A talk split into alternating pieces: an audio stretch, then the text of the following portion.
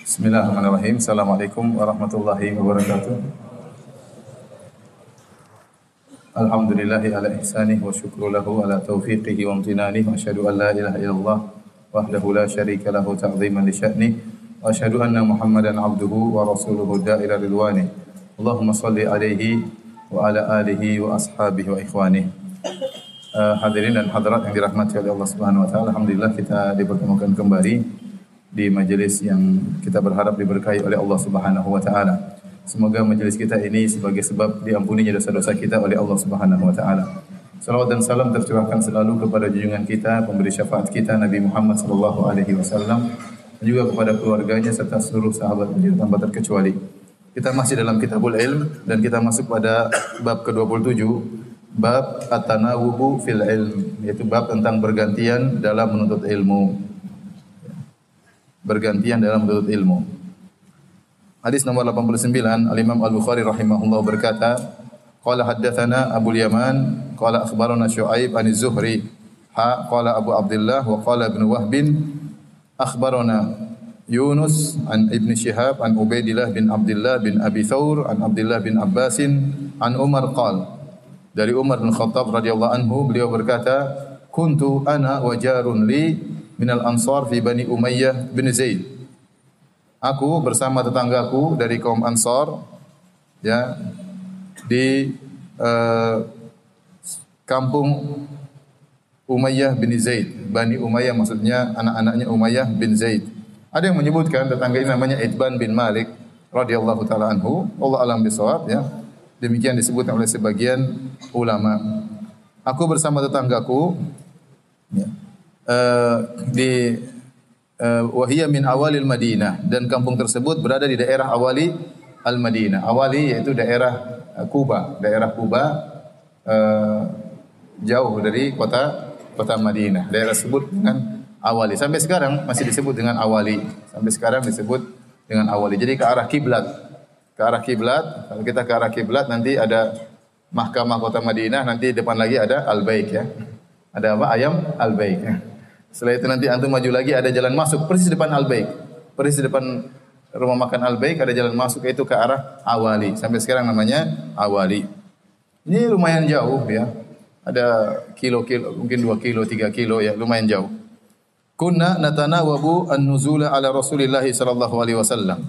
Saya dan dia berganti-gantian ya dalam belajar di Nabi sallallahu alaihi wasallam. Yanzilu yauman wa anzilu yauman. Sehari dia yang belajar, sehari saya yang belajar. Fa idza nazaltu ji'tu bi khayb bi khabari dzalikal yaum.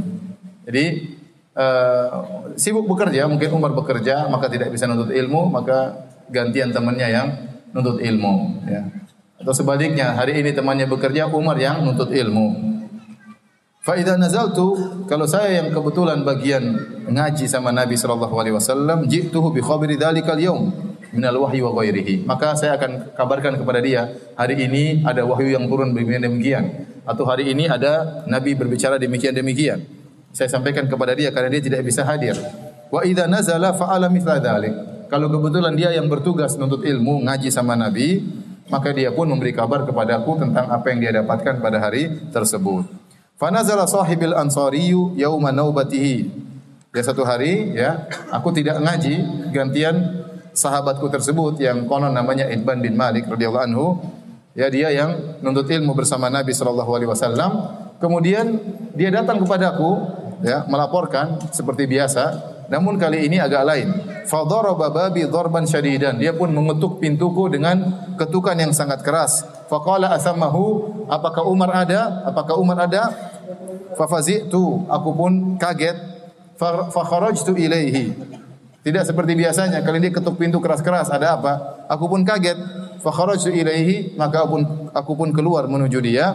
Faqala qad hadatha amrun azim. Kata dia telah terjadi perkara besar. Qal dakhaltu ala Hafsata fa idza hiya tabki. Ya, selanjutnya disebut dalam riwayat yang lain, maka malam itu ini kabar sampai kepada Umar malam hari. Pagi-paginya Umar pun sholat subuh. Setelah sholat subuh dia segera menuju ke rumah putrinya Hafsah. Jadi ada ikhtisar, ada ringkasan dalam hadis ini. Harusnya selanjutnya setelah itu Umar malam itu gelisah, kemudian pagi-pagi hari setelah sholat subuh dia segera menuju ke uh, rumah Hafsah. Dalam riwayat saya bacakan, ya Hatta idza salaitu subha syadattu alayya thiyabi. Tatkala aku selesai salat subuh, maka aku pun kencengkan bajuku, thumma nazaltu kemudian aku pergi, fadakhaltu ala Hafsah, kemudian aku pun menemui putriku Hafsah. Ya. Fa tatkala fadakhaltu dakhaltu ala Hafsah, saya pun ketemu dengan putriku Hafsah, fa idza hiya tabki, tiba-tiba Hafsah sedang menangis. Hafsah istrinya siapa? Nabi sallallahu alaihi wasallam, ya. Hafsah bintu Umar, putrinya Umar namanya Hafsah dan dia adalah istri Nabi sallallahu alaihi wasallam. Maka bebas bagi Umar untuk bertemu dengan putrinya tersebut. Maka Umar masuk ke rumah Hafsah mendapati Hafsah radhiyallahu anha sedang menangis. Fakultu maka aku bertanya, "Talaqakunna Rasulullah sallallahu alaihi wasallam? Apakah kalian istri-istri Nabi telah diceraikan oleh Nabi sallallahu alaihi wasallam?" Qalat la adri. Kata Hafsah, saya tidak tahu apakah kami sudah diceraikan atau tidak. Thumma dakhaltu ala Nabi sallallahu alaihi wasallam. Kemudian saya pun pergi menemui Nabi sallallahu alaihi wasallam. Fakultu wa ana qa'im. Dan aku berkata kepada Nabi sambil aku masih berdiri, belum duduk. Atallaqta nisa'aka. Wahai Rasulullah, apakah Anda menceraikan istri-istri Anda? Maka Nabi berkata, "La, tidak, aku tidak ceraikan mereka." Fakultu, "Allahu akbar." Aku berkata, "Allahu akbar." Ya. Jadi Umar bahagia ternyata Nabi tidak menceraikan apa? istri-istrinya. Karena di antara istri-istri Nabi adalah Hafsah, putrinya Umar bin Khattab radhiyallahu taala anhu. Uh, hadis ini intinya adalah bagaimana adanya tanawuk bergantian dalam menuntut ilmu dan ini menjelaskan tentang bagaimana perhatian para sahabat semangat mereka dalam menuntut ilmu. Jadi dalil bahwasanya mereka menuntut ilmu tidak tiap hari, sehari mereka bekerja, sehari mereka menuntut ilmu, mereka bekerja lagi, ya. Jadi mereka tidak meninggalkan kewajiban mereka, ya, uh, sebagai pekerja untuk menafkahi anak istri. Dan kalau mereka sedang bekerja, maka ada sahabat lain seperti Umar, sahabatnya Idban bin Malik, tugasnya untuk uh, belajar. Nanti dia yang lapor kepada Umar apa yang terjadi pada hari itu, ilmu apa yang dia dapatkan. Besoknya sebaliknya. Sebaliknya Idban yang bekerja, Umar yang mengaji. Nanti kalau sudah sore atau sudah malam, maka Umar mengabarkan kepada Idban, hari ini ada ilmu ini dan dan itu. Ya, ini dalil bagaimana semangat para sahabat dalam uh, menuntut ilmu. Dan ini juga dalil bahwasanya penuntut ilmu tetap harus melaksanakan kewajibannya sebagai kepala rumah tangga, harus bekerja ya. ya karenanya alhamdulillah antum ya sempatkan waktu ikut pengajian, di siang hari antum bekerja ya. Jadi tidak ada kewajiban yang ditinggalkan. Tidak boleh seorang berlebih pada satu sisi sehingga sisi yang lain ditelantarkan. Ini tidak boleh ya. Jangan sampai juga seorang ngaji terus tidak pernah kerja ya. Istrinya pusing nanti ya. ya. Jadi harus kerja, harus mencari nafkah, ada waktu juga mengaji sebagaimana dikerjakan oleh para sahabat radhiyallahu taala anhum ajmain. Baik, kita lanjutkan. Bab ke-28, bab al-ghadabu fil mau'izati wat ta'lim idza ra'a ma yakrah. Bab tentang marah tatkala memberi nasihat ujangan atau memberi pelajaran jika sang guru melihat perkara yang dia benci, yang tidak dia sukai. Jadi bolehnya sang guru marah, ya, atau dia uh, ya dia marah tatkala dalam menyampaikan nasihat atau dalam rangka untuk memberi pelajaran. Jadi di sini Al Imam Al Bukhari di yang menjelaskan oleh Ibnu Hajar tidak menyatakan bolehnya marah secara mutlak, ya. Karena dalam masalah kalau hakim, hakim tidak boleh marah. Oleh karenanya hukum yang dikeluar dari seorang hakim yang sedang marah tidak diterima. Ya karena kalau dia sedang marah dia tidak bisa berpikir dengan jernih. Bisa jadi dia hukumannya sangat tinggi ya. ya. Jadi kalau ada hakim misalnya mengatakan kamu saya hukum dua tahun. Terus terdakwanya marah-marah. Hakim ente kurang ajar, ente koruptor, ente ya udah 8 tahun ya dia marah. Misalnya tidak boleh dalam Islam tidak boleh seorang hakim kemudian berhukum dalam kondisi marah. Tetapi kalau seorang guru marah dalam beri nasihat itu boleh karena tidak ada hukum yang timbul. Terkadang memang mauidhah perlu marah, perlu emosi, ya. Tentunya emosi yang terkontrol sebagaimana Nabi SAW kalau berkhutbah ihmarra wajuhu. Nabi SAW wajahnya merah tatkala sedang berkhutbah. Ka'annahu munziru jaishin. Seakan-akan dia sedang memberi peringatan kepada tentara, kepada pasukan ya. Jadi eh, terkadang Nabi SAW marah dan ini hukum bukan hukum asal. Hukum asalnya Nabi lembut, ya Nabi ramah, terkadang Nabi marah dalam beberapa situasi.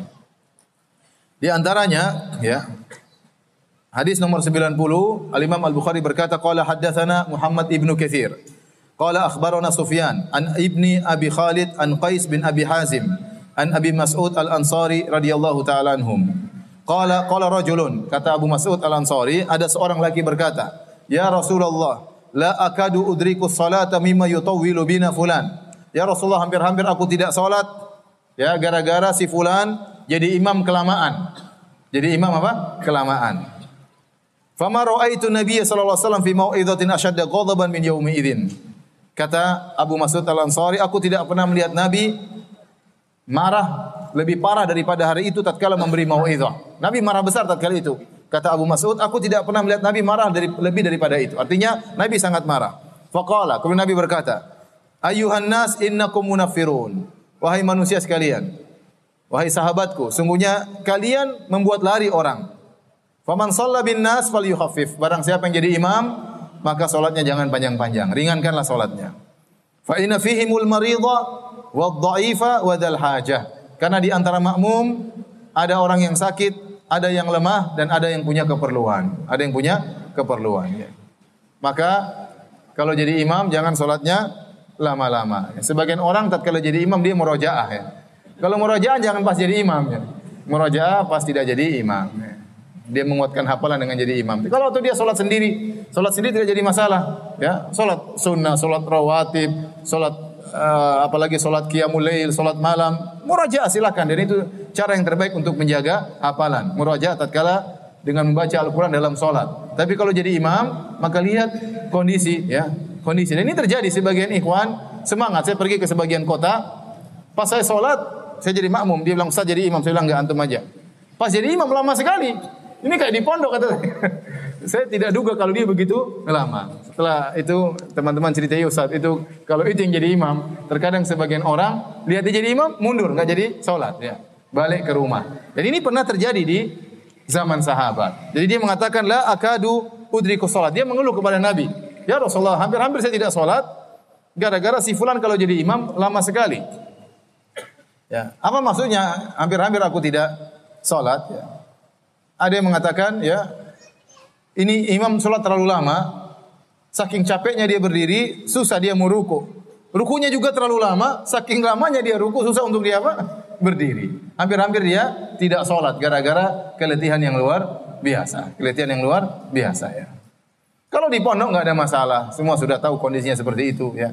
Sebagian pondok sunnah, masya Allah, kalau sholat ya Rukuknya lama. Mungkin antum hitung subhana rabbiyal azim, subhana rabbiyal azim mungkin 20 atau 30 kali. Subhana rabbiyal azim, subhana rabbiyal azim, subhana rabbiyal azim. Loh, masih lima, subhana azim, subhana rabbiyal azim.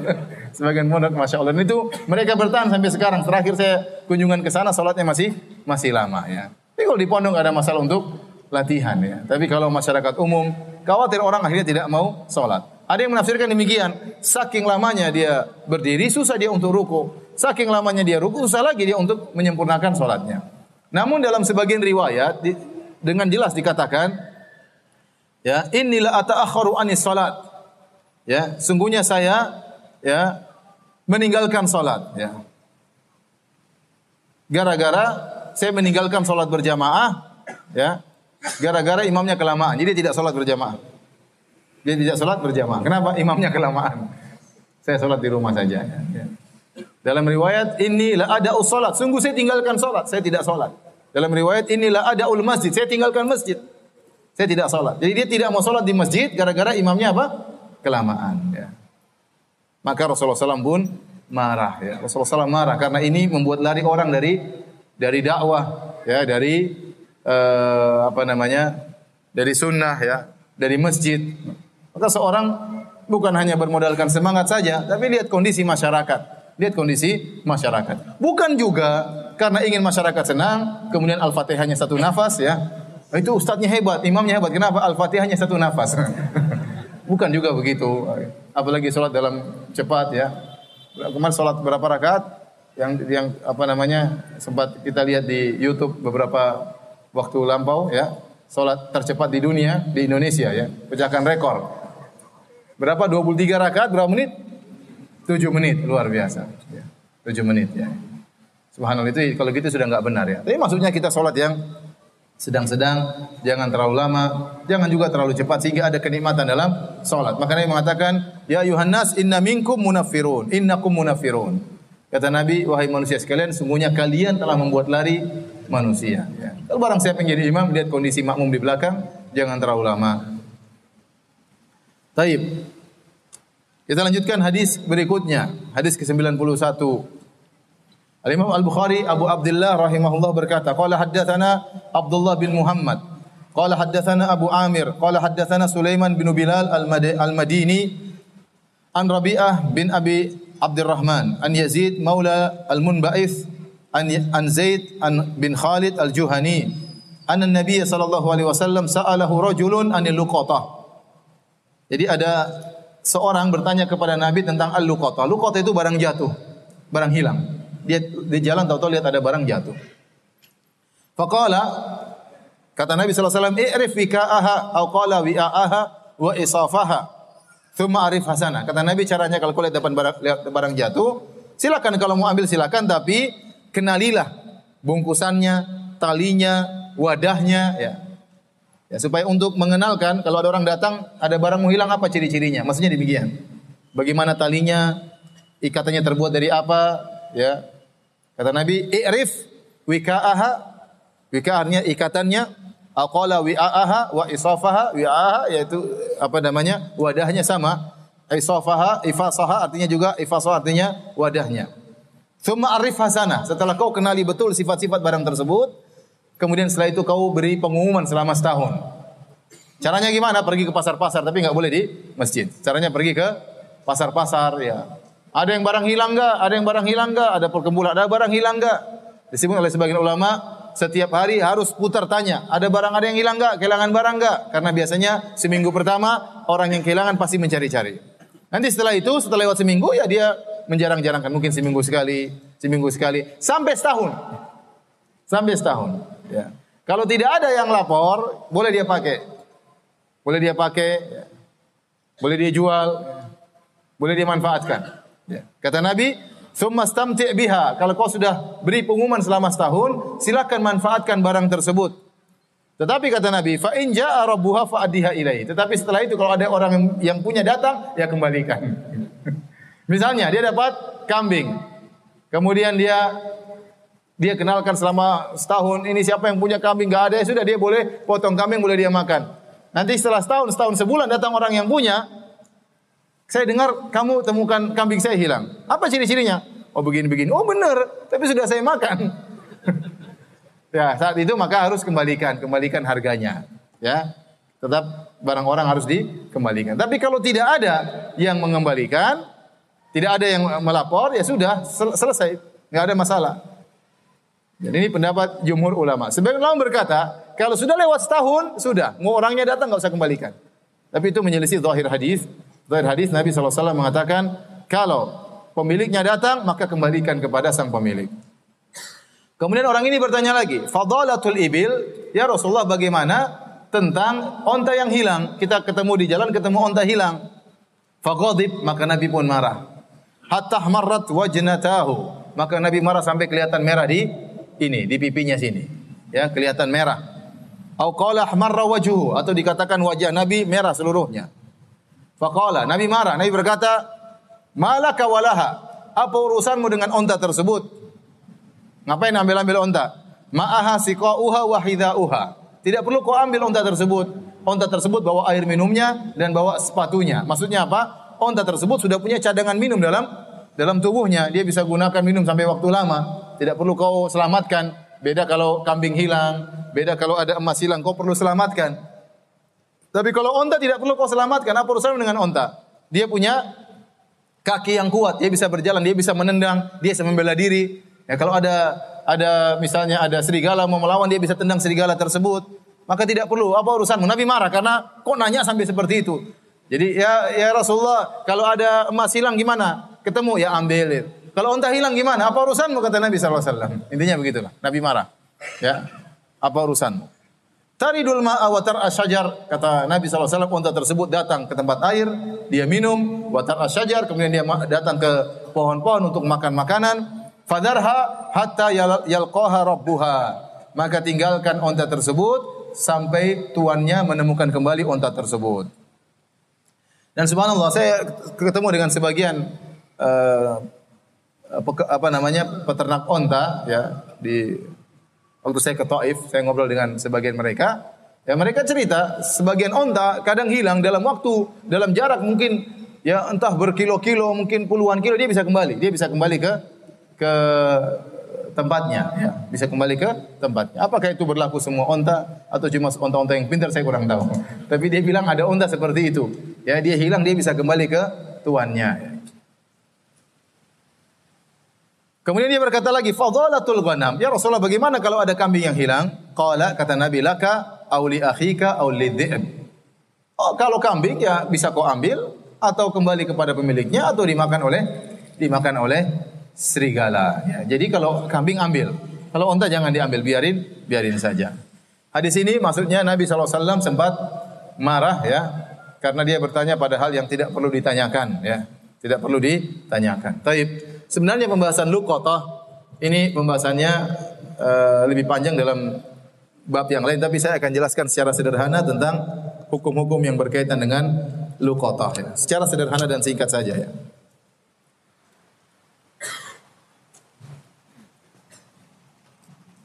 Al-luqata dalam kurung apa? Barang temuan.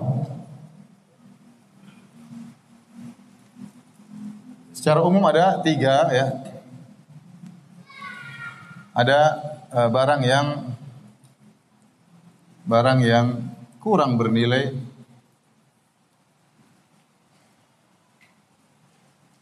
dalam kurung biasanya pemiliknya tidak mencari-cari lagi, ya. Tentunya ini kembali kepada urf ya. Karena contoh seperti tali, ada tali hilang, ya sudah sendal hilang ya. Sendal hilang di jalan, orang tidak cari lagi biasanya. Apalagi yang hilang? 20 ribu, 50 ribu, ya hilang, ya sudahlah, nggak dicari lagi ya. Wah, sejuta orang nyari ya. Sejuta orang nyari ya. Ada kawan cerita dia pernah hajian dia bawa uang entah berapa puluh juta taruh, baru dia taruh di WC. Udah pergi jauh, ingat ya subhanallah. Dia balik lagi masih ada uangnya di di situ. Alhamdulillah ya. Alhamdulillah di, kalau di sini mungkin Allah alam. Jadi kalau seperti ini, hukumnya apa? Hukumnya langsung diambil ya dimanfaatkan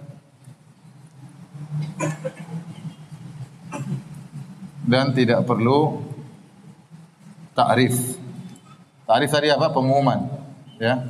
Apa? Pengumuman selama setahun. Tidak perlu pengumuman setahun. Yang kedua yaitu yang barang-barang ya yang seperti hukum onta. Artinya artinya hewan-hewan yang bisa menjaga diri.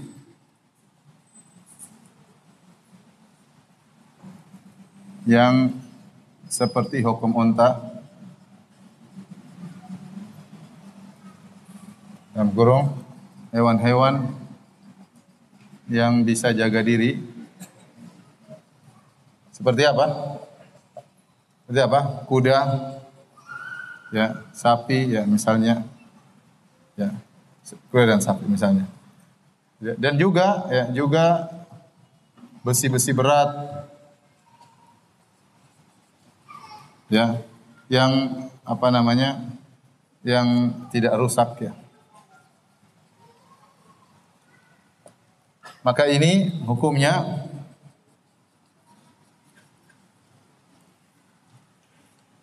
tidak boleh diambil. Tapi dibiarkan saja.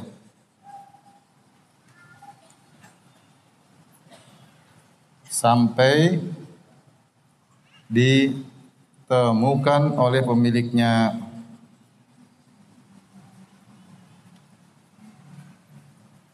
Al-Kashmiri dalam kitabnya Faidul Bari, ini hukum asal. Dia mengatakan ini berlaku di zaman Nabi Shallallahu Alaihi Wasallam. Tatkala orang masih banyak beragama. Ya sudah kalau ada onta yang hilang nggak usah di diambil. Nanti dia akan kembali sendiri atau tuannya akan menemukan onta tersebut. Tapi kalau zaman sekarang kata dia, onta pun harus kita selamatkan daripada dicuri sama orang. Apalagi besi diambil sama sama orang. Jadi kata dia sekarang zaman sudah berubah. Itu zaman Nabi di mana orang-orang masih agamanya kuat. Mereka tidak bakalan ngambil seperti itu. Tapi kalau zaman sekarang kata dia, zaman dia maksudnya ya, ya sudah kalau ada seperti barang ini tetap kita selamatkan. Padahal hukum asalnya tidak boleh. Biarin saja. Tapi kenyataannya ada orang mencuri onta, ada orang mencuri kuda, ada orang mencuri besi ya. Besi yang terpasang aja bisa dicabut ya, subhanallah. Apalagi besi yang pengangguran cuma diletak di atas tanah. Yang dipasang aja bisa dicabut murmurnya luar biasa ya. Hebat ya. Kemudian yang ketiga ya, selain dari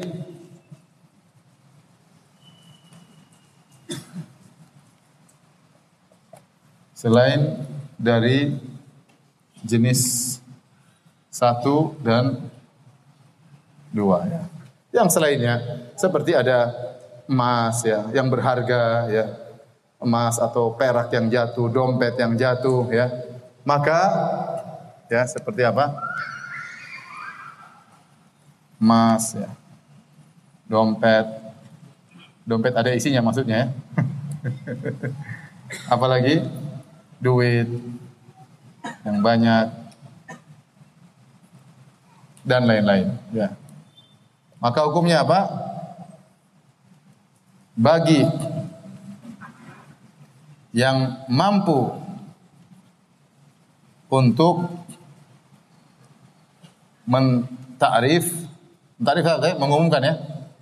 Mentakrif dalam kurung pengumuman maka silakan ambil.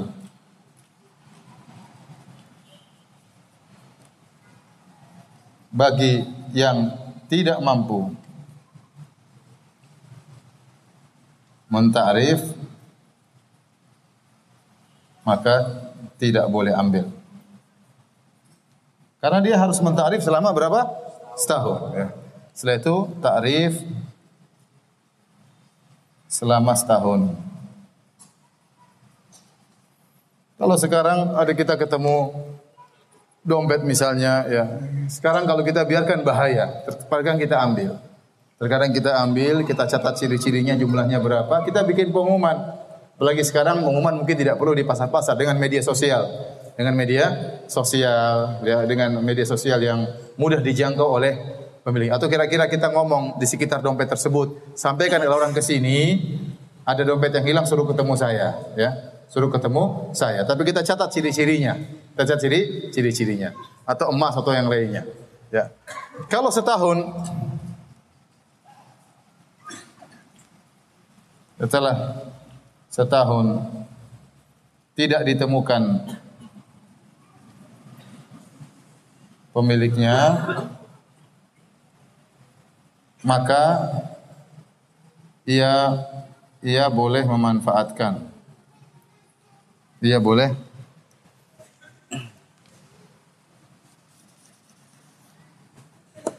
Iya, iya boleh. Pertama, melakukan salah satu dari berikut. Yang pertama ya, dia jual. Dan uangnya dia pakai. Uangnya ya dia simpan misalnya. Jadi wadiah. Wadiah itu apa? Titipan ya, titipan amanat. Dia jaga.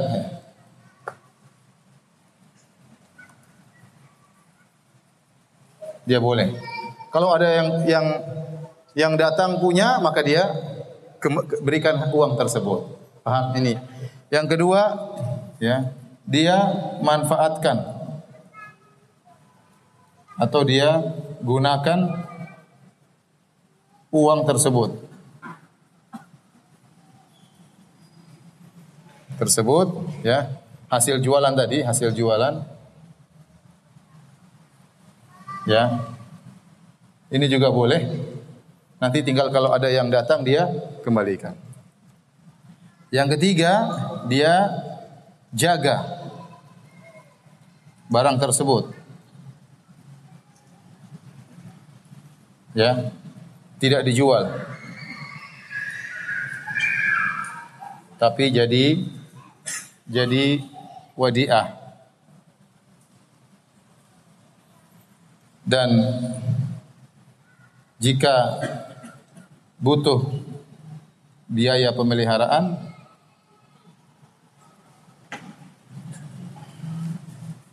nanti dia minta dia minta dari sang pemilik. Contoh dia menemukan motor. Motor itu harus dijaga mungkin, mungkin di ini butuh apa atau sesuatu yang perlu dipelihara. Misalnya dia temukan kambing, kambing tersebut nggak mungkin dibiarkan kan? Harus dia bawa, harus dia kasih makan. Kalau enggak nanti mati, ya. Maka kalau dia memilih untuk menjaga kambing tersebut, nanti biaya pemeliharaan dia minta dari pemilik kambing. Ini kambing mau saya kembalikan biaya pemeliharaan saya sekian. Kamu harus bayar ya. Nah, bagaimana kalau ternyata barang yang dia temukan tadi cepat rusak? Contoh dia menemukan tomat satu keranjang. Ini gimana? Mau diumumkan satu tahun? Ya udah, ya udah jual aja cepat-cepat. Atau dia temukan es krim jatuh, mau diapain? Mau di, ya udah makan aja. Ada bebek goreng jatuh, ya udah ada mie goreng jatuh, ada mie ayam jatuh, lapar semua antum ya. makan aja, jangan tunda-tunda, tunda-tunda setahun udah basi ya. Ya udah makan aja. Nanti kalau orang datang kita kasih duitnya. Kasih apa? Duitnya. Ya. Kasih duitnya. Atau kalau antum mau antum jual ini barang, ada nemukan barang harganya 5 juta antum jual, uangnya antum sedekahkan. Dengan niat untuk orang tersebut. Tetapi kalau seandainya orang tersebut datang minta 5 juta, antum cerita, saya sudah dapat dan saya sudah jual dan saya sedekahkan uangnya. Saya tidak terima. Kenapa kau jual tidak minta izin sama saya? Loh kamu nggak muncul-muncul gimana? Terus gimana? Ya sudah kalau gitu antum bayar 5 juta sama dia. Tetapi uang sedekah jadi untuk antum. Jadi antum yang bersedekah bukan dia lagi. Kalau dia minta ganti ganti rugi. Ininya ini kira-kira ya kira-kira hukum apa namanya? Luqatah ya. Tapi saya katakan tadi sekarang zaman sekarang hampir semua barang bisa hilang ya. Yang semacam onta pun bisa dicuri orang, kuda bisa dicuri orang, onta bisa dicuri orang, ya. Benda-benda berat bisa dicuri orang. Maka kalau kita mampu untuk menyelamatkan, kita selamatkan demi ini harta saudara kita yang dia sedang kehilangan harta tersebut, kemudian kita beri pengumuman selama setahun sampai akhirnya dia datang. Kalau dia tidak datang kita boleh manfaatkan sebagaimana aturan yang kita sebutkan Allah alam bisawab.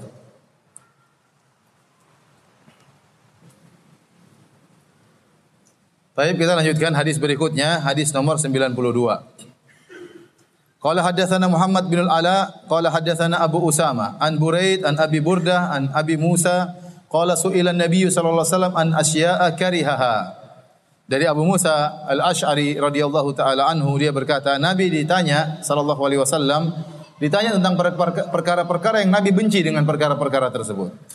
Falamma uksir alaihi ghadib Tatkala banyak orang tanya kepada Nabi perkara yang tidak Nabi sukai ditanya-tanya, maka Nabi pun marah.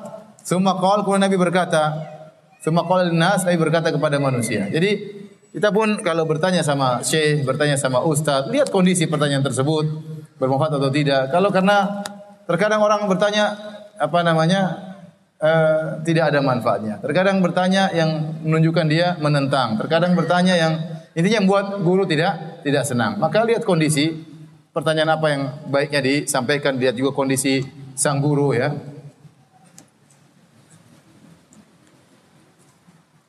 Maka Nabi pun marah, Nabi berkata, "Saluni amma syi'tum." Nabi berkata, "Tanya yang kalian kehendaki." Nabi marah ini. Silakan tanya yang kalian kehendaki. Faqala rajulun tiba-tiba ada yang datang, "Ya Rasulullah, man abi? Siapa bapakku?" Tapi Nabi jawab, kata Nabi SAW, Abuka Hudzafah bapakmu Hudzafah. Allah menjelaskan kenapa dia bertanya demikian. Karena dia ragu bapaknya itu benar atau tidak. Jangan-jangan ibunya berzina di zaman jahiliyah. Ternyata saya bin lain ya. Jadi tanya kepada Nabi SAW dan Nabi jawab bapakmu Hudzafah. Ya, sampai dalam sebenarnya mengatakan kalau ternyata bapakku bukan Hudzafah, saya akan itu bukan bapakku ya. ya jadi dia bertanya siapa bapakku? Ya, subhanallah ya. Kalau orang kata sama antum, bapakku siapa? Ustaz. Ya bapakmu. Tapi Nabi jawab. Nabi meskipun dia marah dia apa? Jawab. Bapakmu Hudzafah.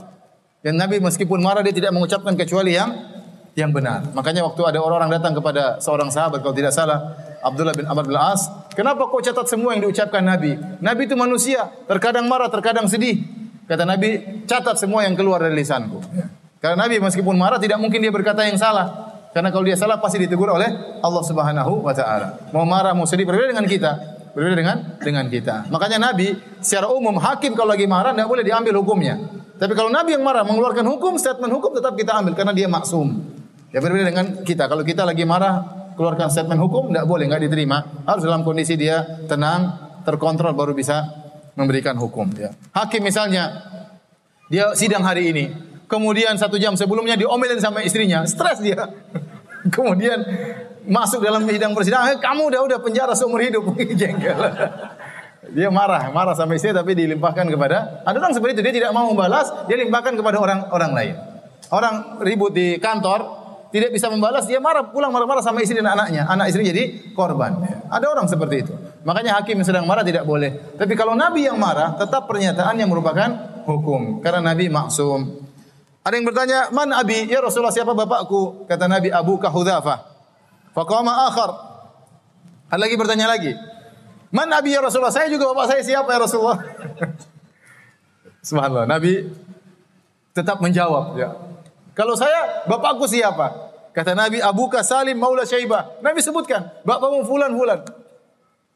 Falamma ra'a Umar ma fi wajhihi, tatkala Umar melihat wajah wajah Nabi sedang marah, Qala ya Rasulullah, maka Umar berkata, "Ya Rasulullah, inna natubu ila Allah azza wa jalla." Kami bertobat kepada Allah Subhanahu wa taala. Kenapa Umar sadar bahwasanya itu kekeliruan? Tidak boleh tanya-tanya Nabi masalah seperti itu. Nabi diutus oleh Allah untuk urusan syariat, bukan tanya perkara goib. Bapak saya siapa? Benar enggak bapak saya yang sekarang ini? Benar-benar bapak saya sungguhan. Jangan-jangan ibu saya di zaman jahiliyah berzina dengan laki-laki lain ya. Nah, Nabi tidak suka ditanya, tapi Nabi jawab. Nabi jawab dan itu perkara goib. Benarkah bapak saya si fulan? Berarti kan dia tanya tentang goib. Bertanya apakah ibu saya dulu berzina atau tidak? Seperti itu maksudnya. Tapi Nabi jelaskan bapakmu si fulan benar. Kamu bapakmu juga si fulan benar ya. ya. Jadi Umar sadar bahwasanya itu pertanyaan yang keliru yang Nabi tidak suka pertanyaan seperti itu. Karena Nabi ingin ditanya tentang masalah syariat, bagaimana hukum ini, bagaimana hadis masalah ini misalnya. Adapun bertanya tentang bapakku siapa perkara goib maka Nabi tidak suka dan kelihatan merah wajah Nabi SAW dan Umar pun paham akan hal tersebut. Tapi kita lanjutkan hadis berikutnya. Bab man baraka ala rukbataihi rukbataihi indal imam. Bab tentang uh, seorang yang dia berlutut di atas kedua lututnya di sisi sang imam awil muhaddis atau di sisi orang yang sedang menyampaikan hadis. Ya. Al Imam Al Bukhari menyampaikan hadis nomor 93 Abu Abdullah Al Bukhari rahimahullah berkata qala hadatsana Abu Yaman qala akhbarana Syuaib an Zuhri qala akhbarani Anas bin Malik anna Rasulullah sallam kharaja Rasulullah sallam satu hari keluar faqama Abdullah bin Hudzafah maka berdirilah Abdullah bin Hudzafah kemudian dia berkata man abi siapa ayahku Faqala abuka Hudzafah. Kata Nabi bapakmu Hudzafah. Thumma aksara an yaqul saluni. Kemudian Nabi SAW berkata, bertanya kepada aku, bertanya kepada aku. Nabi marah, tapi Nabi bertanya, bertanya, silakan bertanya. Fabaraka Umar ala rukbatayhi, maka Umar pun duduk di atas kedua lututnya. Faqala radina billahi rabban. Kami ridha Allah sebagai Rabb kami. Wabil islami dinan. Dan Islam sebagai agama kami. Wabi Muhammadin nabiyan. Dan kami ridha Muhammad sebagai nabi. Fasakata, maka Nabi pun tenang. Nabi mengatakan, "Mak, silakan bertanya sambil marah." Waktu Umar berkata demikian, Nabi pun tenang. Ini menunjukkan cerdasnya Umar. Ya, ini kasusnya sama tadi. Jadi Umar mengatakan, "Inna natubu ila Allah." Kami bertobat kepada Allah sambil meletakkan sambil duduk bertelekan di atas dua lututnya. Ya, dan berkata kami ridho Muhammad sebagai nabi kami, ya. Maka Rasulullah SAW pun tenang setelah mendengar perkataan Umar dan ini menunjukkan tentang kemuliaan Umar di mana beliau paham sebagai sementara sahabat yang lain kurang paham ya sehingga perkataan dia tadi menenangkan hati Nabi sallallahu alaihi wasallam. Jadi yang dilarang bertanya kepada Nabi adalah eh, pertanyaan-pertanyaan yang tidak ada manfaatnya atau pertanyaan yang menunjukkan ragu dia seorang nabi atau tidak ya. Ini dijelaskan oleh uh, Ibnu Hajar kata beliau anna tilkal as'ilata qad takunu ala sabili ta'annut aw. Pertanyaan-pertanyaan tersebut dikhawatirkan bisa jadi karena pertanyaan yang berlebih-lebihan yang tidak perlu. Awis syak atau terkadang karena keraguan apakah ini nabi atau bukan. Nabi tidak suka pertanyaan seperti itu, ya. Nabi tidak suka pertanyaan seperti seperti itu. Demikian juga ya, maka kata Ibnu Hajar fa khasyiya an tanzilal uqubatu bisababi. Maka Umar pun khawatir gara-gara pertanyaan-pertanyaan yang buat Nabi jengkel ini bisa menurunkan hukuman atau azab bagi bagi mereka. Maka beliau berkata radina radina billahi rabba. Kami ridha Allah sebagai Rabb kami dan seterusnya. Hal ini menjadikan Nabi pun menjadi tenang. Oleh karena seorang kalau bertanya, pertanyaan itu kalau memang diberkahi oleh Allah, niatnya baik, niatnya tulus, kemudian dia bisa menyampaikan dengan pertanyaan yang baik, maka bermanfaat. Betapa banyak orang bertanya kepada Nabi, kemudian Nabi jawab, ternyata hal itu menjadi hadis sampai kita pelajari sekarang. Maka Allah akan memberikan pahala kepada sang penanya tersebut. Karena gara-gara pertanyaannya ilmu mengalir sampai sekarang. Demikian juga kita lihat bagaimana Ibnu Taimiyah rahimahullah taala. Betapa banyak dia nulis buku gara-gara ditanya oleh orang. Seperti Al-Aqidah Al-Wasithiyah, dia dia ada yang tanya maka dia pun tulis. Ya risalah Tatmuriyah, maka ada yang bertanya, Nabi pun apa Ibnu Taimiyah pun menulis dan jadi buku yang kita pelajari sampai sekarang. Ya oleh karenanya banyak buku-buku Ibnu Taimiyah seperti sekarang terkumpul berjumlah 37 jilid judulnya Fatawa Ibnu Taimiyah. Itu apa pertanyaan-pertanyaan yang dijawab oleh beliau, dibaca oleh para ulama sampai sampai sekarang.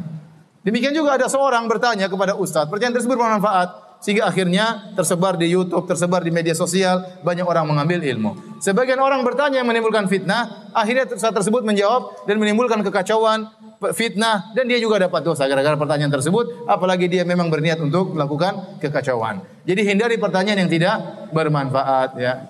Seperti ada yang bertanya, "Ustaz, apa hukum makan daging dinosaurus?" Ente ngapain tanya daging dinosaurus ya? Dinosaurusnya ada atau tidak perlu pertanyaan lagi. Kalaupun ada siapa yang berani nyembelih dinosaurus? Tarsan pun belum tentu bisa nyembelih dinosaurus. Jadi pertanyaan yang tidak bermanfaat ya. Seorang berpikir waktu sedikit, Ustaz juga waktunya mahal, kita pun waktunya juga mahal, maka jangan kita bertanya hal-hal yang tidak e, bermanfaat. Demikian insyaallah kita lanjutkan setelah salat Isya. Wabillahi taufik. Assalamualaikum warahmatullahi wabarakatuh.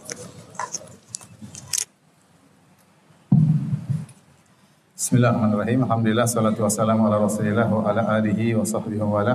Kita lanjutkan bab berikutnya, bab ke-30, babun man a'adal haditha thalathan liyufhama anhu.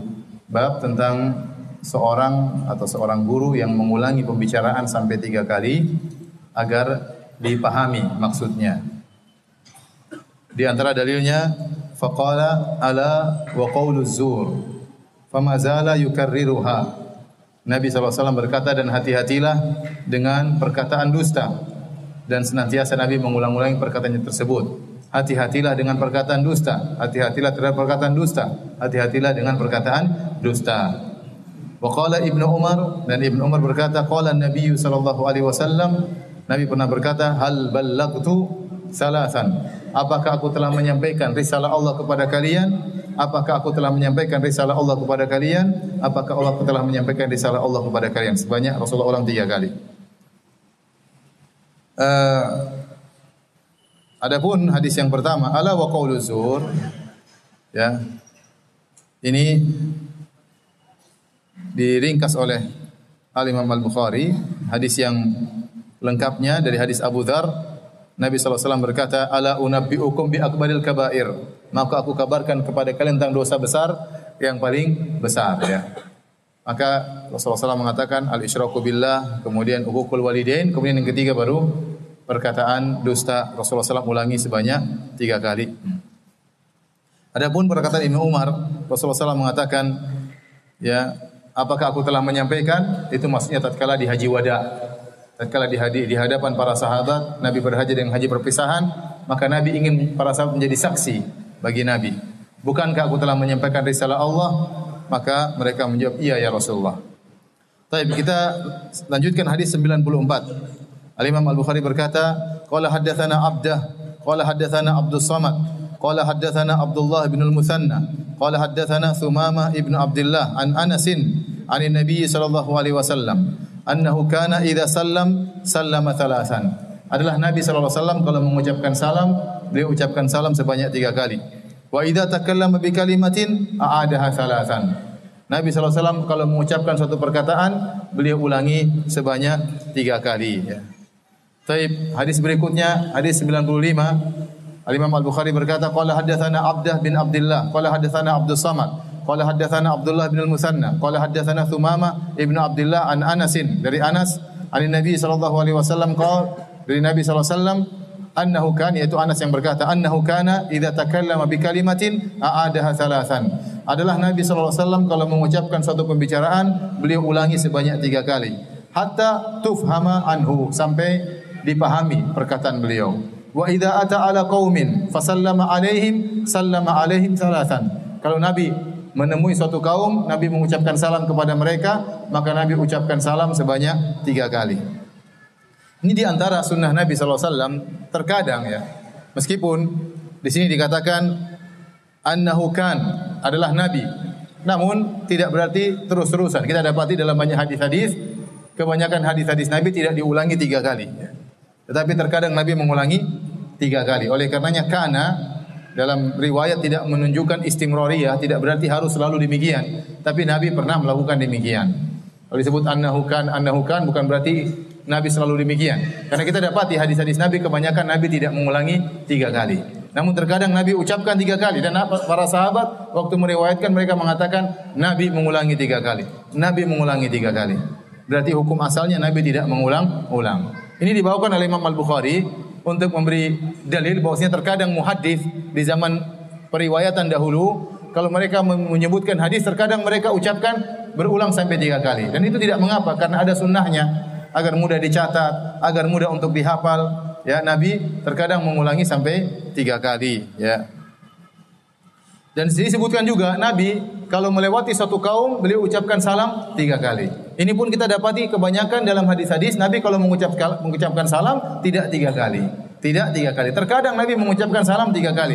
Bersatu kaum. Assalamualaikum warahmatullahi wabarakatuh. Assalamualaikum warahmatullahi wabarakatuh. Assalamualaikum warahmatullahi wabarakatuh. Terkadang tiga kali. Sebagian ulama mentakwil. Maksudnya apa? Nabi melewati rombongan yang banyak. Maka Nabi terkadang mengulangi tiga kali. Tatkala lewat bagian depan Nabi salami. Terkadang lewat yang tengah Nabi salami. Tatkala ujung Nabi juga salami. Agar semuanya mendengar salam Nabi Shallallahu Alaihi Wasallam. Ya.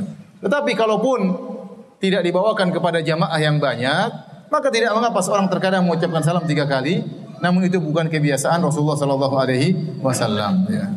Sebagian ulama mengatakan di sini berkaitan dengan salam untuk istizan. Istizan maksudnya kita ngetuk pintu orang. Assalamualaikum. Assalamualaikum. Assalamualaikum. Boleh langsung tiga kali. Boleh langsung tiga kali. Hadis ini dibawakan kepada makna istizan. Jadi maksud saya hadis ini Nabi kalau melewati suatu kaum beliau ucapkan salam tiga kali dibawa pada dua makna. Makna yang pertama yaitu tatkala jamaah banyak sehingga Nabi mengucapkan salam di bagian depan jamaah, kemudian tengah jamaah dan akhir jamaah. Atau tatkala istidzan mengetuk pintu, Assalamualaikum, Assalamualaikum, Assalamualaikum, tiga kali agar terdengar oleh uh, orang yang di dalam. Allah alam bisawab.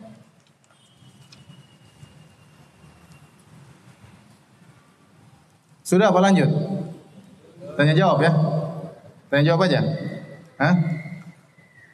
Jangan terlalu lama-lama ya. Nanti antum kabur ya.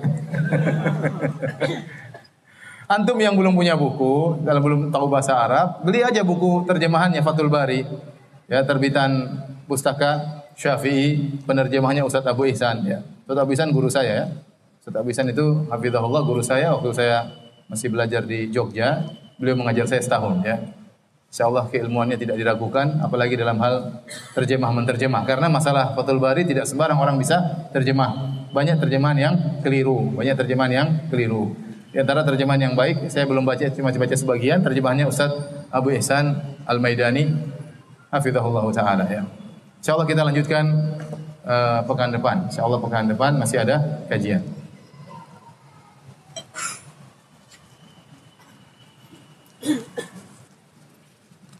Apabila kita menemukan barang berharga seperti termasuk kategori poin ketiga dalam pembagian barang temuan dan kita mampu melakukan ta'rif tapi kita tidak mengambil menyelamatkan barang tersebut. Apakah kita berdosa? Ini ada khilaf tentang apakah wajib dia menyelamatkan menyelamatkan apa namanya uh, barang tersebut itu barang saudaranya, ya ataukah tidak? Ada khilaf di kalangan para ulama ya. Ya, ada khilaf di kalangan para ulama ya. Uh, tapi saya tidak apa namanya belum bahas secara lebih dalam lagi. Insya Allah akan kita bahas dalam bab-bab berikutnya tentang luqatah ya. Tetapi kalau memang kita mampu sebaiknya tidak ada yang ragu sebaiknya kita selamatkan. Apalagi di zaman sekarang ini. Apalagi di zaman sekarang ini. Kalau zaman dahulu, zaman tatkala agama tersebar, mungkin kita bilang ya sudah, nggak perlu saya selamatkan karena toh insya Allah orang-orangnya akan menemukan atau ada orang yang amanah yang lain yang akan melakukan ta'rif. Tetapi zaman sekarang susah. Ya. Nah, kalau kita biarkan dompet jatuh, sebaiknya kita ambil. Kita untuk uh, apa namanya? Untuk kita jelaskan kepada masyarakat. Sayang karena akan dipegang oleh tangan yang tidak amanah, akhirnya di, di diambil ya. Kawan saya baru-baru saja ya uh, waktu saya lagi di, di ke bandara. Ustaz, uh, saya punya oleh-oleh Ustaz. Ya, ya udah, tunggu di bandara ya. Ya udah Ustaz, enggak apa-apa, saya tunggu ya. Dia dia datang ke bandara, dia bawa uang dolar ya. Kok darulah uang dolarnya hilang. Jadi saya tidak dapat oleh-oleh. Uang dompetnya jatuh, uang dolarnya hilang, kembali dompetnya tanpa isinya ya. Jadi kalau kita temukan barang berharga, sebaiknya kita kalau kita mampu untuk mentarif, sebaiknya kita selamatkan, membantu orang lain yang kesusahan. Minimal dapat dapat pahala ya membantu orang lain. Uang temuan setelah satu tahun dipakai untuk usaha dan menguntungkan di tahun kedua. Pemiliknya datang. Uang temuan setelah satu tahun dipakai untuk usaha dan menguntungkan. Di tahun kedua pemiliknya datang. Apakah keuntungan dibagi dua? Tidak, tidak perlu.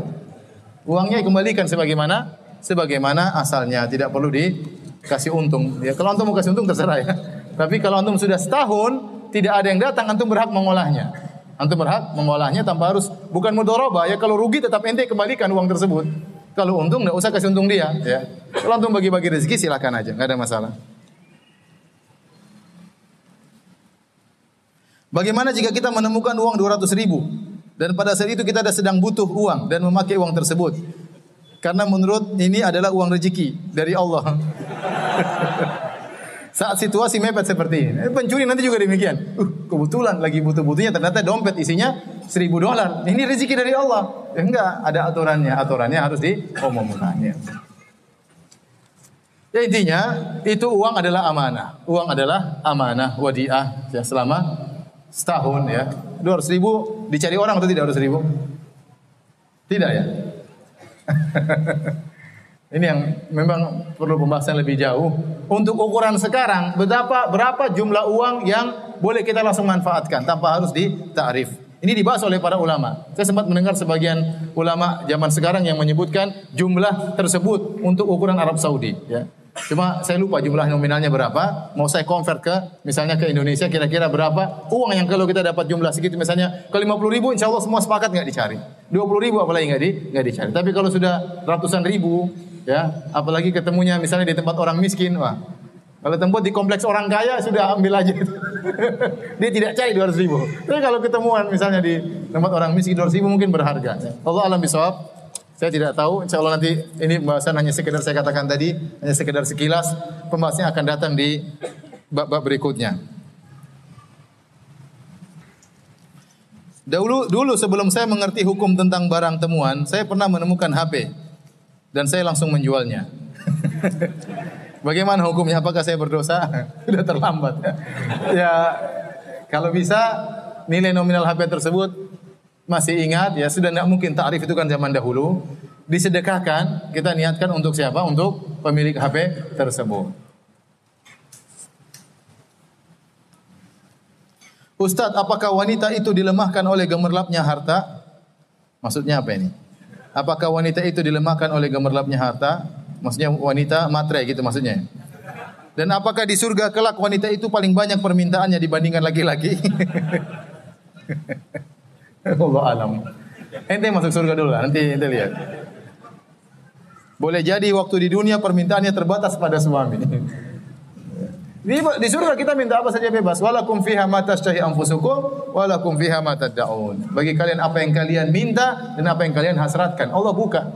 Mau minta banyak-banyak terserah, ya. Mau minta banyak-banyak terserah. Allah buka pintu selebar-lebarnya.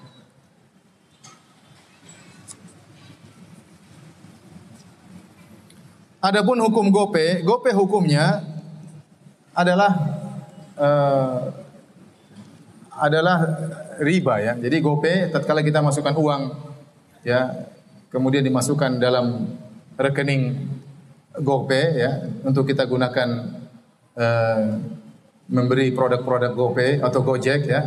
Maka sebenarnya pada hakikatnya kita memberi utangan kepada pihak Gojek ya. Meskipun ada yang mengatakan saya tidak berniat berhutang. Yang jadi ibrah bukan lafal, tetapi kondisi uang tersebut pada hakikatnya hutang bukan amanah. Ya. Ini ada orang salah paham, disangka bahwasanya uang diletakkan di GoPay itu amanah. Ya. Padahal itu bukan wadiah, itu adalah hutang. Sama seperti kita meletakkan uang di bank. Kita bilang saya kasih amanah. Banyak orang yang menaruh uang di bank bukan niat untuk cari bunga. Banyak orang menyimpan motor pada Anda, maka motor itu milik saya. Motor itu milik saya, bukan milik Anda. Anda tidak boleh menggunakannya, ya. Tidak boleh menggunakannya kecuali dengan izin saya, ya. Ya, Adapun hutang kalau kita kasih utang orang, uang tersebut jadi milik dia. Dia boleh menggunakan dan itu milik dia, tapi waktunya bayar dia harus apa? Harus bayar ya. Maka tatkala uh, apa namanya? hutang maka harus harus dikembalikan seutuhnya dan dia boleh mengolah uang tersebut karena itu uang dia dan kemudian dia memegang utang tersebut dalam kondisi sebagai yadu doman artinya dia bertanggung jawab dia bertanggung jawab. Kalau ada apa-apa, apa pun yang terjadi dia harus kembalikan secara utuh. Berbeda dengan titipan. Kalau titipan, pemegang titipan tersebut disebut dengan yadu amanah. Dia memegang sebagai amanah. Artinya apa? Kalau barang tersebut rusak atau hilang dan dia tidak teledor, dia tidak bertanggung jawab. Misalnya dia sudah simpan motor tersebut dalam rumah, dia udah kunci, tahu-tahu ada pencuri yang mengangkat motor tersebut, hilang, maka dia tidak bertanggung jawab karena dia sudah berusaha. Ya, dia sudah berusaha. Adapun hutang apa pun yang terjadi kita harus kembalikan. Jadi ada dua perbedaan antara utang sama wadiah. Yang pertama, kalau hutang terjadi per perpindahan pemilikan. Kalau wadiah titipan tidak. Yang kedua, orang yang berhutang dia memegang uang tersebut dengan yadu toman, dia bertanggung jawab. Apa pun dia harus kembalikan secara utuh. Adapun orang yang memegang wadiah amanah dia yadu amanah. Maka dia tidak ber, tidak berkewajiban untuk mengembalikan Kecuali kalau dia teledor. Kalau dia tele, teledor. Nah orang mengatakan, Ustaz saya taruh uang di bank dan saya izinkan untuk dipakai. Itu namanya utang. Itu namanya utang. Ya. Kalau izin dipakai motor, motor barangnya ada boleh dipakai, motor barangnya tetap ada. Kalau uang dipakai ya hilang atau barangnya ada, ya hilang dipakai. Sama, saya titip nasi sama kamu, nasi bungkus ya, kamu boleh pakai. Berarti kamu boleh apa? Makan. Bukan dikembalikan lagi, enggak. Itu bukan aman, itu dimakan. Berarti punya utang satu bungkus nasi.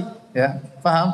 Jadi hakikatnya GoPay itu hutang meskipun orang yang meletakkan uang tersebut tidak berniat menghutangkan. Tapi yang menjadi ibrah bukan lafal, yang menjadi ibrah adalah hakikat tersebut. Seperti orang berkata, saya niatkan kasih antum, saya hadiahkan kepada kamu mobil dengan syarat kamu hadiahkan kepada saya rumah. Itu namanya jual beli. Jual mobil bayar apa? Rumah. Meskipun dia mengatakan itu adalah apa? Hadiah. Paham? Dengan demikian maka uang yang tersimpan di GoPay itu adalah hutang. Nah, kalau itu statusnya hutang, ternyata ada pelayanan, keuntungan, manfaat seperti kortingan, maka kortingan tersebut adalah riba. Kortingan tersebut adalah riba. Kalau Anda taruh uang di GoPay tanpa mengambil kortingan, pembayaran sebagaimana wajar, maka itu bukan riba. Tapi kalau Anda letakkan uang di GoPay dalam rangka akan dapat kortingan, maka itulah utang piutang yang mendatangkan keuntungan itulah riba.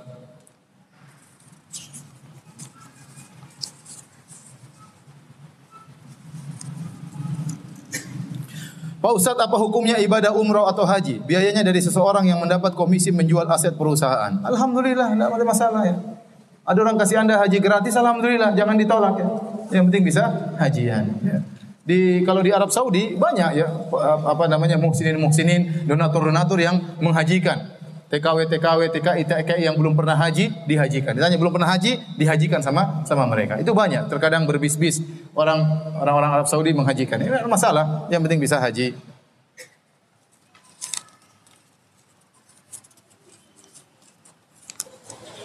Waktu ana menikah istri ana istri ana binti A.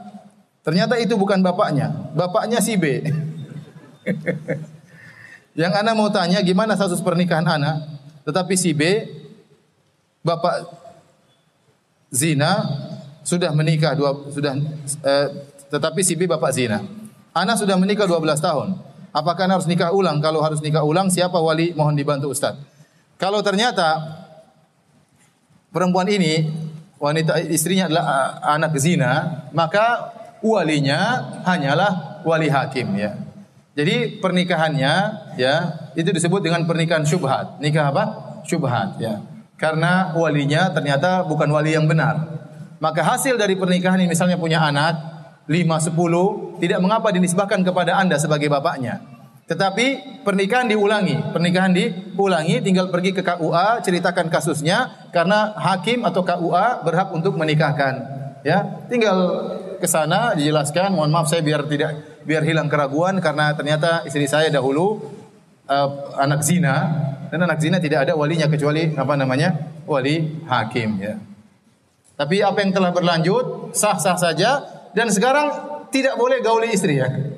Sekarang ini sudah tidak boleh menggauli istri untuk lebih hati-hati. Meskipun kita tahu dalam mazhab Hanafiyah boleh menikah tanpa wali, tetapi jumhur ulama tiga mazhab yang lain menikah tanpa wali itu tidak tidak sah. Kata Nabi la nikah illa wali. Tidak ada nikah kecuali dengan wali. Maka saya katakan solusinya, sekarang kalau pulang jangan gauli istri, anggap saja istri apa namanya? Uh, wanita bukan istri ya. Kemudian pergilah ke KUA, jelaskan situasi dan kondisi, kemudian tinggal nikah saja dengan mahar ya, dengan mahar dengan dua saksi maka sah kembali. Hanya sekedar untuk menghilangkan apa? E, keraguan ya. Ini lebih baik seperti itu. Tapi anak-anak yang lahir tidak ada masalah karena itu namanya nikah syubhat. Ada kalau nikah syubhat itu diulangi nikahnya tetapi proses yang telah berjalan anak-anak yang lahir dan seterusnya tidak ada masalah. Tidak ada masalah.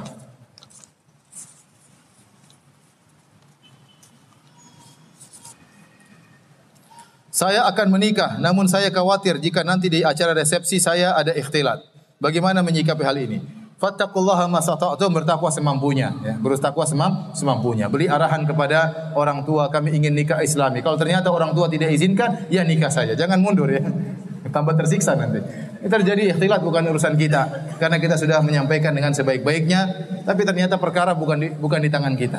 Terkadang seorang tidak bisa melakukan apa yang dia kehendaki. Orang tuanya mengatur, mertuanya mengatur, ya sudah. Yang penting dia sampaikan hujah. Dia mengatakan kita ingin nikah Islami. Ya. Kalau ternyata orang tua maksa, tetap aja nikah nggak ada masalah.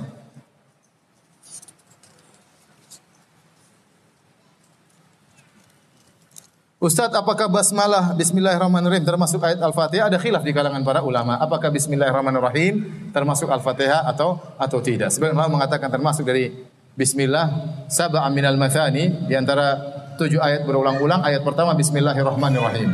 Sebenarnya mengatakan tidak, Bismillah tidak termasuk Al-Fatihah tetapi dia adalah pembuka sebagaimana surat-surat yang lain yang dibuka dengan Bismillahirrahmanirrahim ya. Dan ini pendapat sebagian ulama. Maka ada khilaf di kalangan ulama tentang masalah masalah ini ya. Terlebih lagi dalam banyak riwayat Nabi kalau membuka solatnya langsung membaca dengan Alhamdulillahirabbil alamin. Wallahu a'lam bisawab ya. Saya sendiri lebih condong, lebih condong kepada uh, bismillah bukan bagian daripada Al-Fatihah ya. Tetapi lebih hati-hati kalau kita sholat tetap kita baca bismillah. Tetap kita baca bismillahirrahmanirrahim. Apakah dijaharkan atau disirkan?